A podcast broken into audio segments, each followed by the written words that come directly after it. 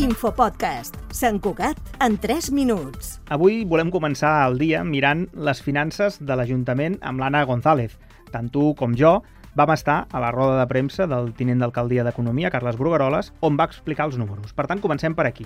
L'Ajuntament tancarà el 2023 amb 25 milions de dèficit. D'on surt aquesta xifra? A veure, aquesta és una xifra molt rodona, que és molt cridanera, però el més important és el que porta al darrere. És a dir, bàsicament 25 milions de dèficit vol dir que l'Ajuntament té una necessitat de finançament de 25 milions d'euros.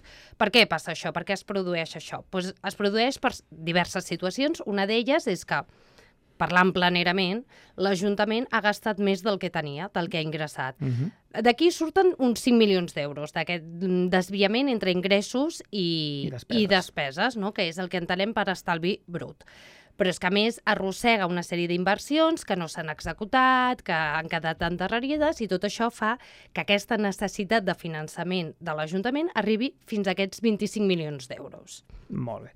I això ha suposat, no concretament la xifra de 25, però sí aquesta situació en negatiu, ha suposat que l'Ajuntament ara mateix estigui tutelat per la Generalitat amb un pla de sanejament.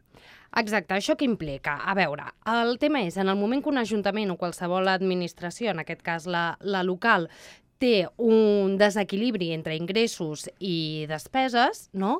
Uh, és a dir, com dèiem, els ingressos estan per sota de les despeses, intervé la Generalitat i dona un toc d'atenció i el que li diu és, escolta, has d'aplicar una sèrie de mesures correctores perquè això a llarg termini genera molts problemes que és el que ha fet l'Ajuntament. Ha proposat un pla de sanejament, ja no amb aquest govern nou, sinó que ja veníem arrossegant perquè la situació en què ingressos i despeses no, no, o sigui, estan en negatiu, les despeses són més que els ingressos, correspon no a aquest 2023, eh, diguem ara tancament de 2023, sinó que és una situació que s'arrossega ja en el 2022 i que el 2023 eh, segurament, com ha anunciat el govern actual, també es donarà. Llavors, simplement, l'Ajuntament mm, proposa una sèrie de mesures per corregir això, la Generalitat les valida i va fent seguiment. Això vol dir estar tutelat per la Generalitat. Perfecte. A banda de que mm, eh, et limita en algunes qüestions econòmiques, bàsicament en les inversions. Uh -huh. I el que li interessa segurament més al ciutadà és això com m'afectarà a mi. És a dir, uh, per on agafaran les tisores? Ho sabem ja? Doncs no ho sabem i això és el que volem saber tots. De fet, és com tu bé deies, no? a la roda de premsa en la, a la qual vam estar els dos, eh, els periodistes vam preguntar insistentment això, quines conseqüències tindrà per la ciutadania, que és el més important. Doncs ara mateix el que sabem a resposta d'aquesta pregunta és, 1 que l'Ajuntament no té intenció de pujar impostos, hem de veure què passa amb les bonificacions, quins equilibris es fan, i dos, que obligarà a fer retallades, sí.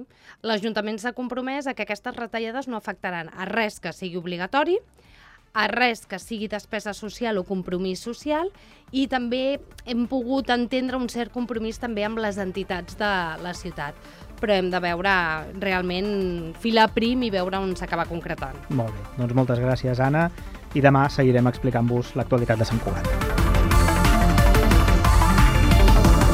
Infopodcast. Ràdio Sant Cugat, Cugat Mèdia.